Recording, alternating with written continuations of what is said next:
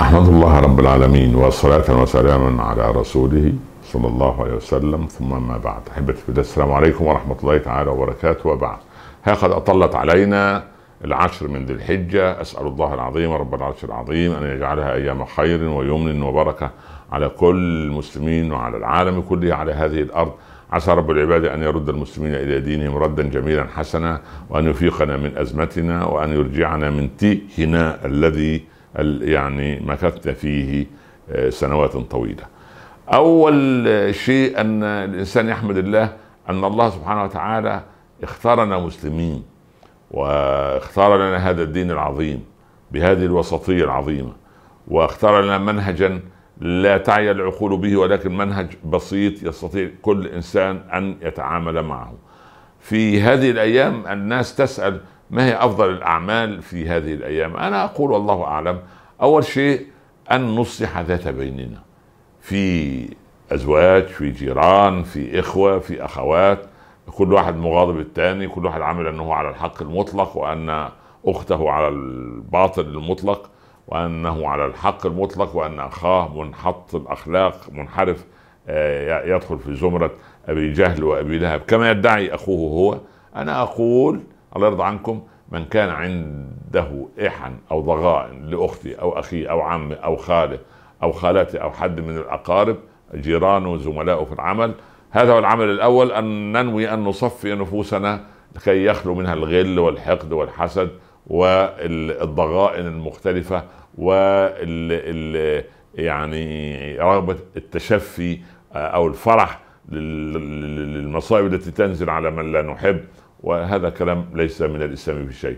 نحمد الله ثانيا أن حبب الإيمان وزينه في قلوبنا وكره إلينا الكفر والفسوق والعصيان وجعلنا من الراشدين.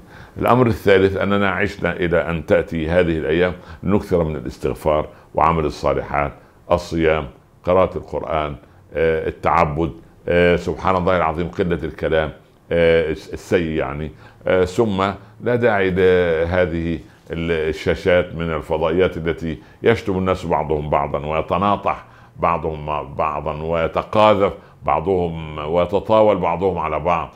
ونرى انسانا ناجحا نريد أن نخسف به الأرض. نريد نرى إنسان سبحان الله مستقيم على طريق الله لازم نلصق فيه كل العيوب حتى ينصرف الناس عنه.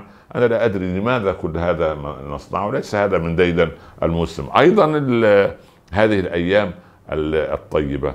آه، بعض العلماء يرون بعض العلماء أن غير الحاج لا يقدم أظافره ولا يحلق شعره. هذا رأي ليس ملزما. هناك آراء أخرى في سعه أنت غير يعني أنت المحرم هذا لا تحرم عليه أمور كثيرة. لا تحرم على غير المحرم. فبعض العلماء يرون أنه لا يجب أن يأخذ من لحيته ولا من شعره وأن لا يقلم أظافره. هذا رأي. ولكن من باب الأمانة العلمية هناك اراء أخرى تقول لا لا داعي أنت غير محرم أنت تعيش مع زوجتك في بيتك أنت تمارس حياتك الطبيعية لست ليست عندك شيء من محظورات الإحرام فهذا رأي آخر أيضا. ومن رأى غيرنا فله ما رأى ولنا ما رأينا. أما ناس يحزبوا نفسهم وعاملين قنوات وتمدهم جهات معينة هم يعرفوها تماما.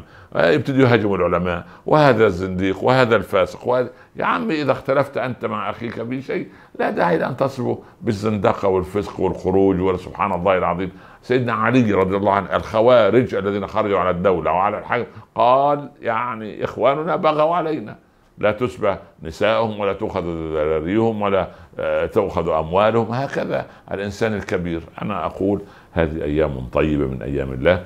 نكثر فيها من الذكر نكثر فيها من قراءة القرآن نكثر فيها من العبادة آه، لنصومها إن شاء الله إذا استطاع الإنسان اليوم التاسع من ذي الحجة. ونسأل الله أن يتقبل منا ومنكم صالح الأعمال ولننظر نظرة لنري ونعلم أبناءنا نسرد لهم قصة إسماعيل وطاعته لأبيه وطاعته لله وإعانة أباه آه، وإعانة أبيه على وإعانة أباه على آه، تنفيذ أمر الله. يا أبا تفعل ما تؤمر. كل هذه الأمور يجب أن نتذكرها في هذه الأيام. نسأل الله سبحانه أن يتقبل منا ومنكم. لا تنسونا من صالح دعائكم. والسلام عليكم ورحمة الله تعالى وبركاته.